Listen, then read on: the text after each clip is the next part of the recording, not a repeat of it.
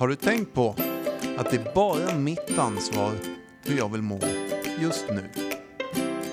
Välkomna till eh, Kalmar och Nybros egna Håll Käften-podd. Två fyllon och en sanning med Fredrik Ember Kalmeby och Jesper Åberg.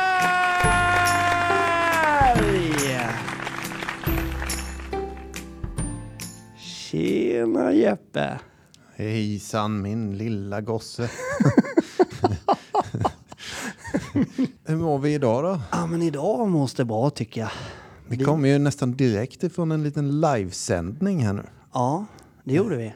Det var rätt roligt så. Vi ska ju börja lite mer med sånt. Har vi bestämt oss för. Ja, och vi, vi fick ju också frågan där liksom, vad är... Jag måste bara lugna ner mig lite kände jag nu, för nu gick vi direkt och jag tänkte direkt bara börja kötta på liksom. Men jag, jag lutade mig faktiskt bakåt för första gången där vi sitter. Nu är vi ju inte i, i, i den vanliga studion där vi brukar vara, utan vi är ju på ett helt annat ställe. Precis. Och då satt jag och lutade mig bakåt nu. Och, och bara kände att det var ingen van position för mig. Nej, Att lay back, slappna av slappna av och ta det lugnt och låta, låta axlarna falla. Nej, så är det.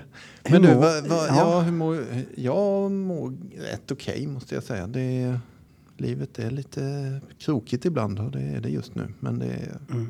jag står stabil på något sätt. Bägge fötterna på jorden. Och försöker göra så gott jag kan. Vad härligt för dig. Ja, Jag är glad för din skull.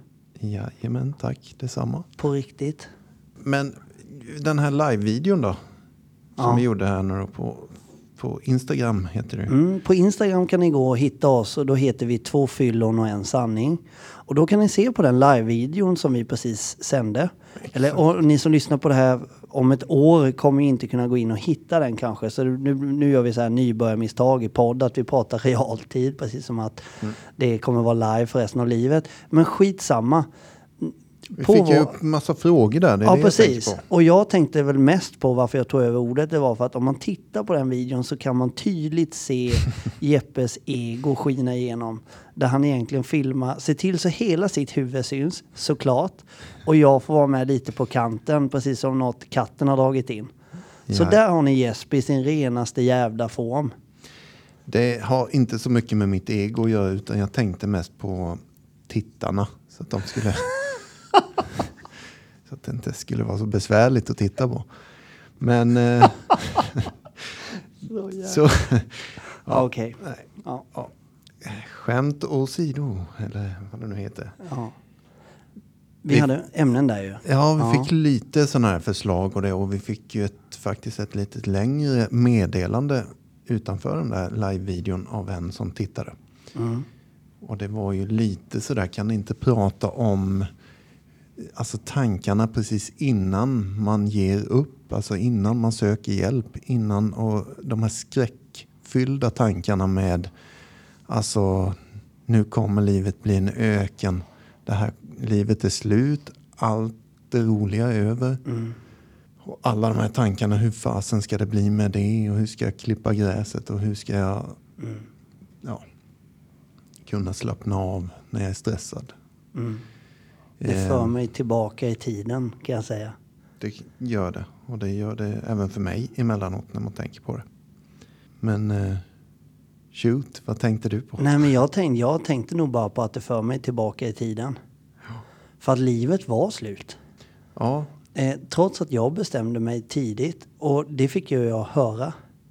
Men jag, jag tog mig an det och bestämde att jag, ska jag vara nykter liksom, då, då måste jag ha det livet jag hade. Och göra samma saker. Mitt liv får inte vara slut bara för att jag slutar dricka alkohol. mm, Men jag minns ju, och nu är jag inne på första tiden efter jag slutade, så nu glider jag in på det, men jag minns det så väl liksom att det, det jag tänkte innan stämde på något sätt i perioder, i vissa moment, i vissa sekvenser i mitt liv. Ett halvår in när jag och Elin sitter och liksom, min fru då, och bara tänker att, ja men fan nu, nu, nu skiter vi i det här. Även hon då, som höll på att tillfriskna i sitt medberoende. Där vi kände liksom att, fan vi träffar ju inga längre. Vi gör ingenting. Vi sitter här för fan hela tiden och gör... Livet är ju dött ju. Vi måste... Vi måste göra någonting. Mm.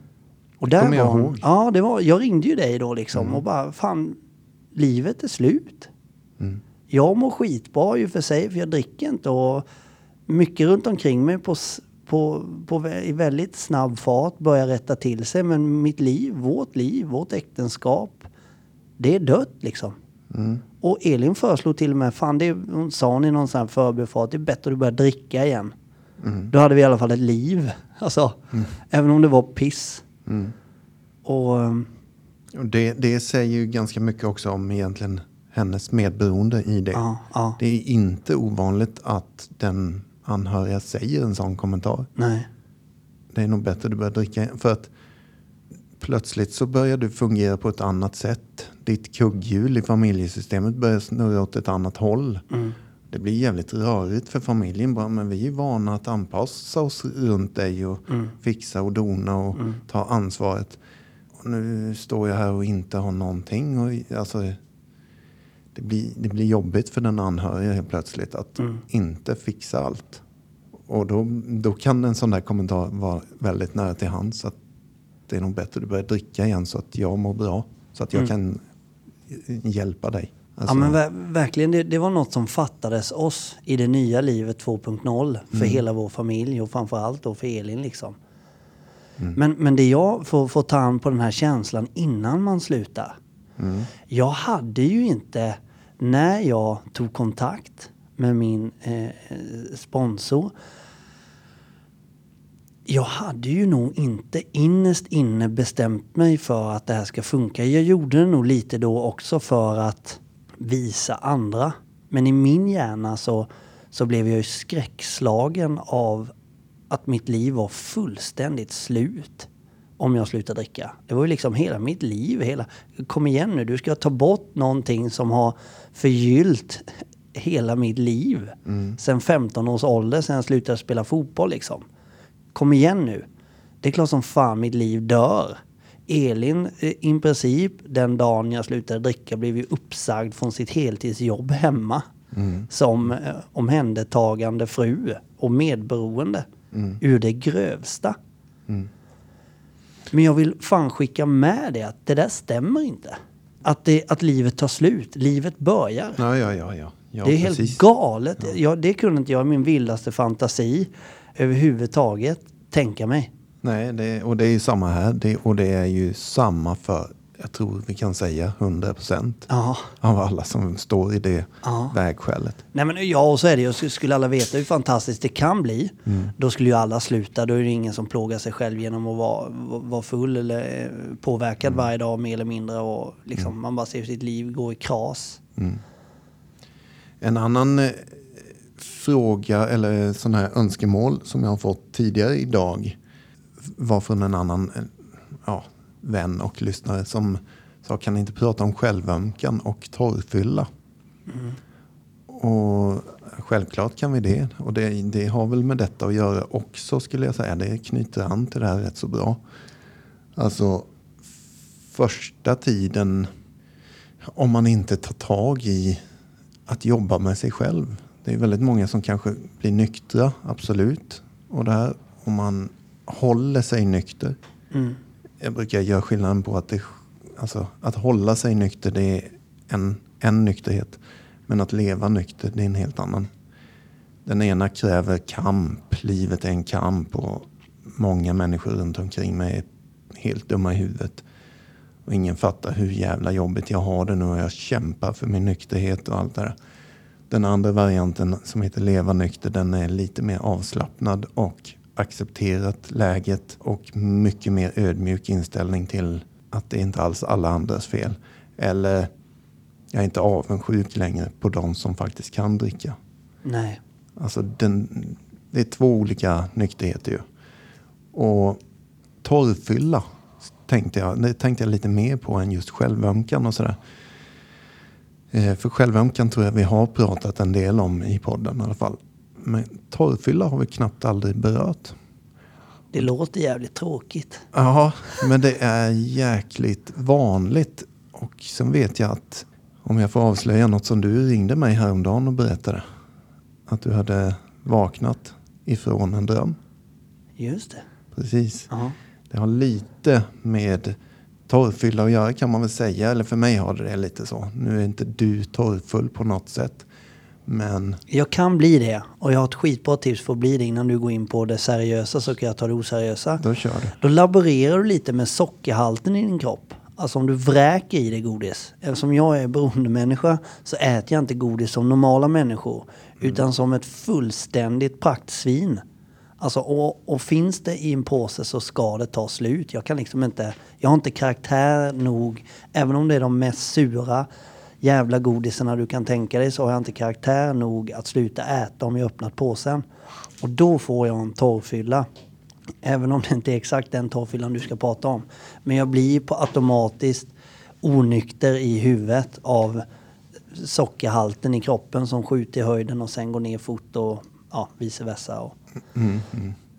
men det var inte den torrfyllan du tänkte på? Inte riktigt. Nej.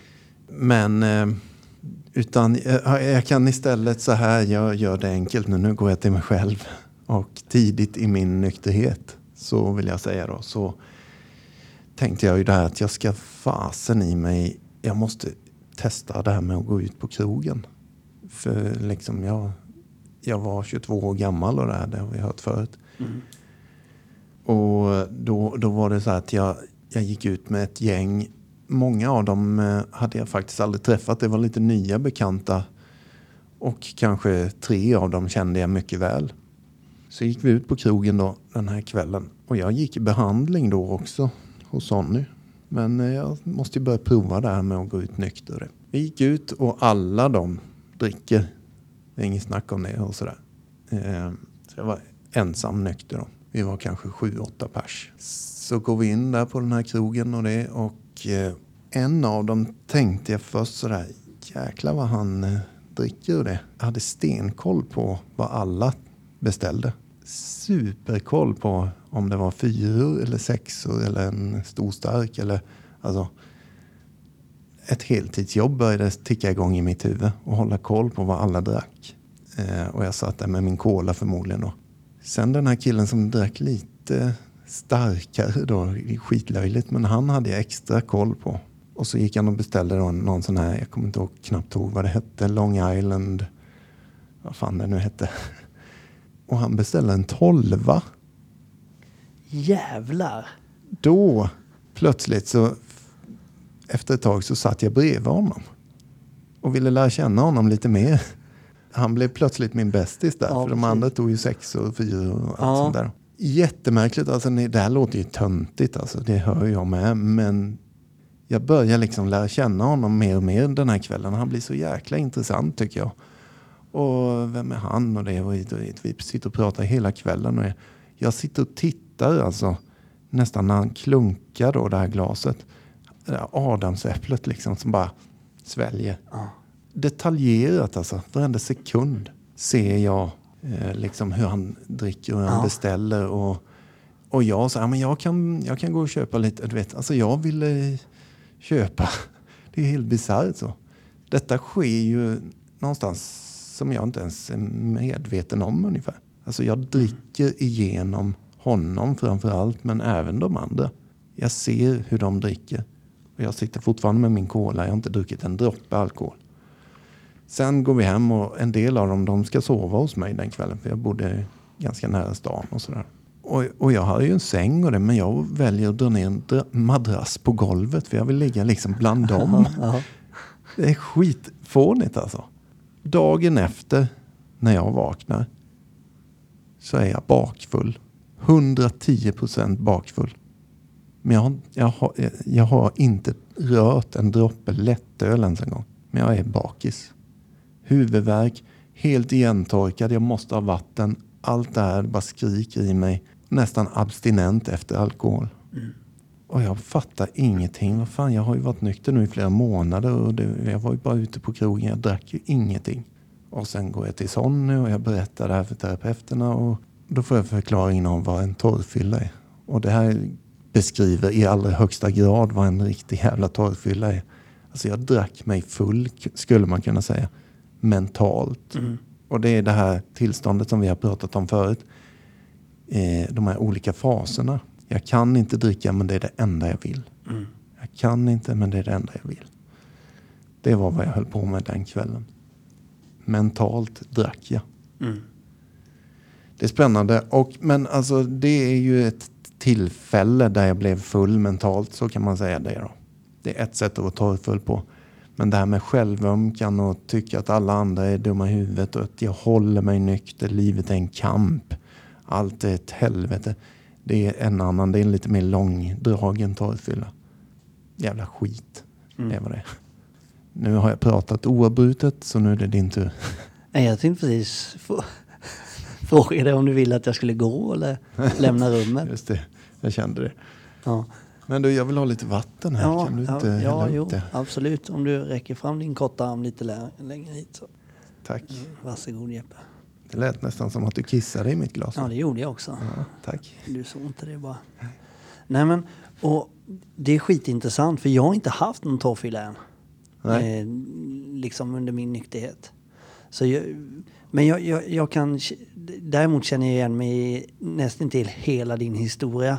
Eh, Jag, jag har också upplevt, och det är det som är så häftigt på den här resan när man jobbar med sig själv och tolv steg och går på möten och alla möjliga sammanhang. Att det finns liksom ingenting någon kan säga på något sätt som är unikt. För man känner igen sig lite av, kanske inte hela historien såklart, för det är, ju det är upplevda grejer, men delar av det känner man igen sig i. Men jag har inte, än så länge i alla fall, fått vara riktigt bakfull där man bara shit, vad fan gjorde jag igår? Men däremot så drömde jag ju precis som du sa. Ja, häromdagen. Ja, första gången. Under, under två års tid liksom. Fan, jag drömde att jag drack vin. Ja. Vitt vin ur små, korta, tjocka glas. Och jag fick panik. Ja. Vad, vad ska jag säga till Jeppe och vad hände med det här? Och jag, bara, jag minns inte för drömmen var så jävla hemsk tror jag. Men jag drack vin i sömnen. Det var en jäkligt ny upplevelse för mig. Mm. Det är också första gången sådär att fan vad otäckt. För Jag, jag, har tänkt, ja, men jag har tänkt lite på det där, eller så, för vi har pratat om det. Det är ju också jättevanligt. Att Mm. Ja, men första precis, året ja. någonstans, då drömmer Ja. man rätt så mycket Ja, om sånt ja, där då. Ja. Men, eh, och vi har pratat om det att du har aldrig drömt det, men nu kom det helt plötsligt. Ja, det tog två år. Ja, nej men, eh, ja, det finns väl inget Åtal. Nej, men jag har valt att se det för mig själv. Mina drömmar jag hade under första året, var det mycket drömmar för mig. Dyngsura lakan. Alltså, det, det är ofta fruktansvärda drömmar. För mig var det så i alla fall. Alltså jag vaknar i panik som du beskriver. Och nästan skriker ut vad fan har hänt? Vad, shit, du vet jag har gjort bort mig så in i helvete Ja. ännu en gång. Och lakanen är pissblöta av svett alltså. Jag har valt för mig själv att se varje sån där dröm som en slags, vad ska vi kalla det, dödsstöt på missbrukspersonligheten. Så fort jag drömmer en sån här dröm så tänker jag för mig själv att det lämnar mig lite mer. Alltså det, det är som att jag blir avgiftad ännu en gång. Och får bort lite till av den här skiten i mitt system. Nu är det många år sedan jag drömde överhuvudtaget. Och jag tror att det är en process man bara ska igenom. Ja, jag har ingen belägg för det där. Jag är ingen eh, expert eller läkare. Men så har jag valt att tolka det och det är för er då, om vi nu pratar om det här, att ta beslutet och sluta av det. Det, det är sällan vi pratar om sådana här detaljer som kommer dyka upp. Mm.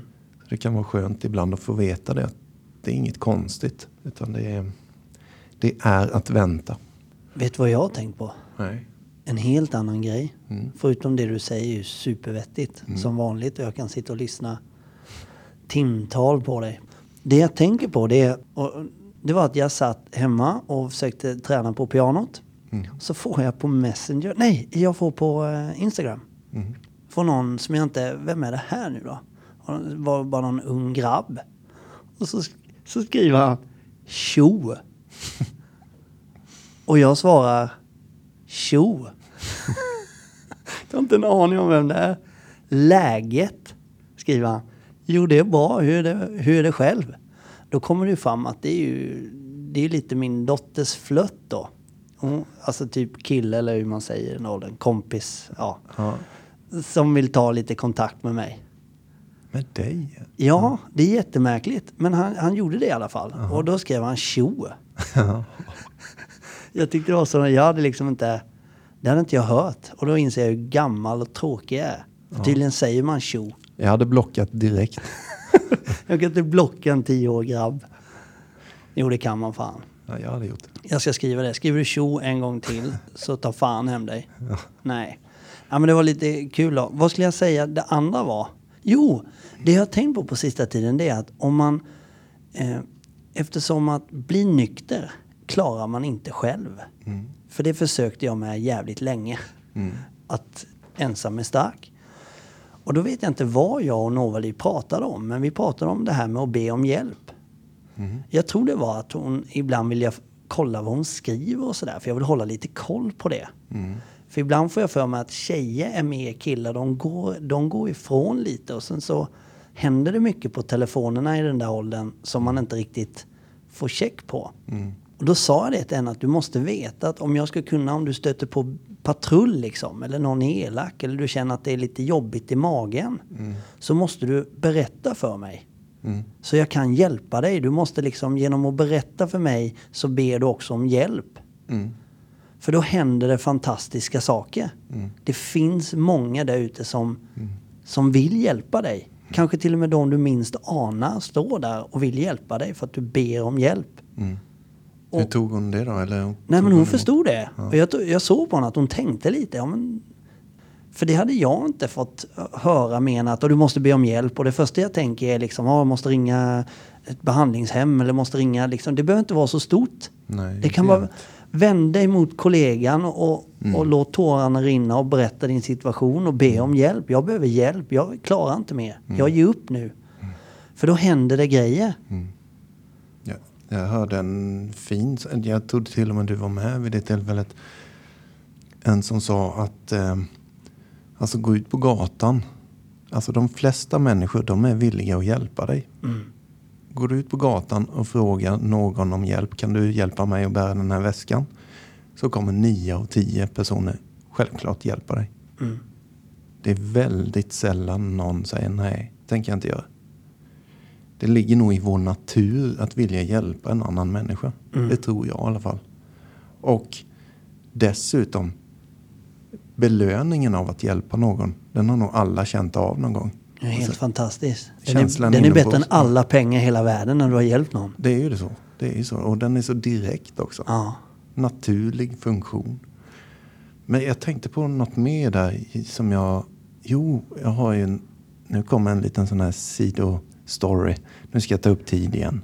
Nej, men och det handlar faktiskt om en indian. Någon så här hövding eller något som jag läste en bok för flera år sedan. Som eh, han är idag CIA-agent eller något sånt där. Då. Många indianer är ju rätt så skärpta enligt mig. En del kanske inte är det men de har ju i alla fall övat på saker som vi kanske inte har övat på. Eller lite annat synsätt på saker och ting.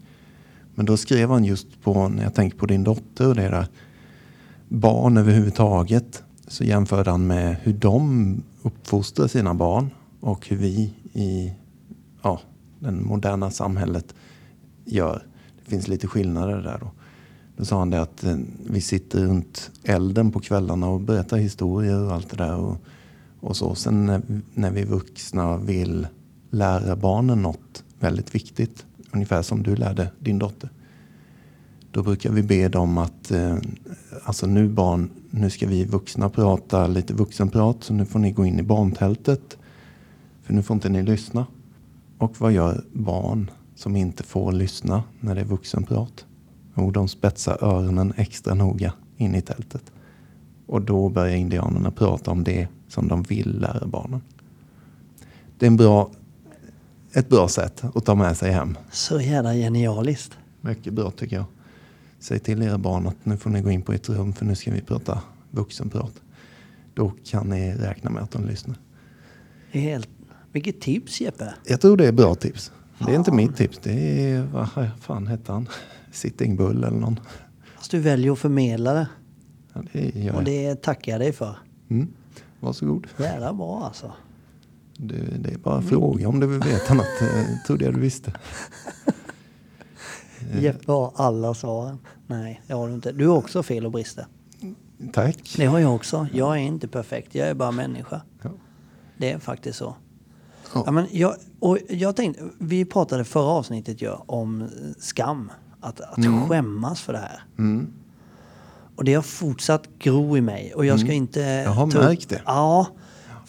Jag kan inte släppa det riktigt. Och det, där måste jag jobba med mig själv. Hur, hur jag ska hitta rätt tankar för, för att Mm. kunna gå vidare i mitt liv.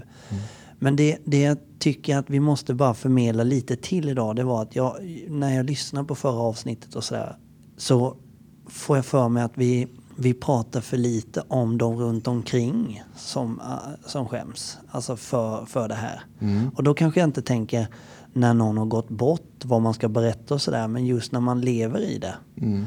Att som barn eller som fru eller man till den som missbrukar Mm. skäms för det som någon annan gör. Alltså då kanske en förälder hittar på dumma grejer och man skäms som en hund. Och det är ju så fel. Mm. Men man gör det ju. Jag har själv gjort det. Mm. Du vill säga något Jeppe? Ja, för, ja, det är bra att du tar upp det här. För jag kände, jag var också lite sådär ringrostig på när det dök upp i förra avsnittet. Och jag kan ofta vara det när det kommer till den där punkten att skämmas för sin sjukdom och sådär. Jag sa det i förra avsnittet att håller du på att bete dig som ett jävla rövhål och ett egoistiskt fyllesvin eller knarkare eller allt det där. Då ska du skämmas. Det är en sak. Men att du har en sjukdom som vare sig den heter diabetes, cancer, alkoholism eller vad det nu är, sockerberoende. Det ska du inte egentligen skämmas över. Det är inget som du styr över. Men du har ett val att be om hjälp. Det är två olika saker. Så att du har en sjukdom, det ska du inte skämmas över. Men det du gör med sjukdomen, det, där kan man skämmas. Om man väljer liksom att fortsätta med det. Jag ville förstärka det. Jag sa det nästan. Nej men det, det är skitbra, det är ju så sant ju.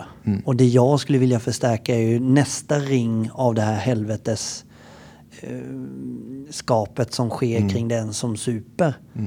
Som inte ska skämmas för sin sjukdom. Men de, nästa ring är ju de runt omkring, alltså barnen som ofta hamnar i kläm. Och det jag själv har känt under uppväxt och, och, och så vidare är att man skäms. Man tar någon annans handlande, då en förälder som man ser upp till. Som du brukar säga, sina gudar. Och så skäms man för dem. Mm. Men vänta nu, vad gick det fel här? Jag får väl ta ansvar för när jag söp. Det ska väl inte mina barn behöva skämmas för. Fast ändå så gör man ju det. Man skäms ju som en hund. Det, det är ju en naturlig konsekvens av skamtäcket som ligger över den här problematiken. Som du egentligen förståeligt nog var frustrerad över i förra avsnittet. Att för helvete så länge vi håller käften om det här och smusslar och, och liksom smyger med det. Då kommer det här fortsätta. Och därför blev jag glad när jag såg att du hade döpt om avsnittet. För jag, jag döpte det först till något annat. Men sluta skäms för fan. Det, det kan vi förstärka även den här veckan. Och det är verkligen så. Jag, jag lyssnade på en person som, som nämnde att syskon hade gått bort och, och sådär. Men att pappan ändå inte kan medge att det var alkoholism som dödade dem. Mm. Precis som jag får uppleva att det var inte alkoholism som dödade min mor. Mm. Och så ska jag behöva försvara det. Men då tänker jag återigen, så att vi inte missar de här som lever i skiten just nu. Precis i detta nu. Både unga vuxna och små barn och stora vuxna. Och att man skäms. Men vi måste sluta skämmas. För det är en sjukdom. Punkt. Ja, men ja, tack för det. Ja, det är bra. Men du Fredde, jag har faktiskt en liten uppgift till dig som jag inte har gett dig. Eller har jag gett dig den? Men du ska få den igen. Definitivt så kan ni som lyssnar få den om ni vill. För vi får väldigt många mejl fortfarande, eller hela tiden, om att nu jäklar tack för er podd och allt det där. Det är skit skithäftigt att få sådana mejl. Verkligen. Nu har jag tagit tag i det här. Jag har sökt upp eh, Sonny Frid eller jag har sökt upp eh, alltså, alla möjliga terapeuter nu. Tack vare er podd. Ni gör ett skitbra jobb. Det värmer ju jättemycket. Verkligen tack.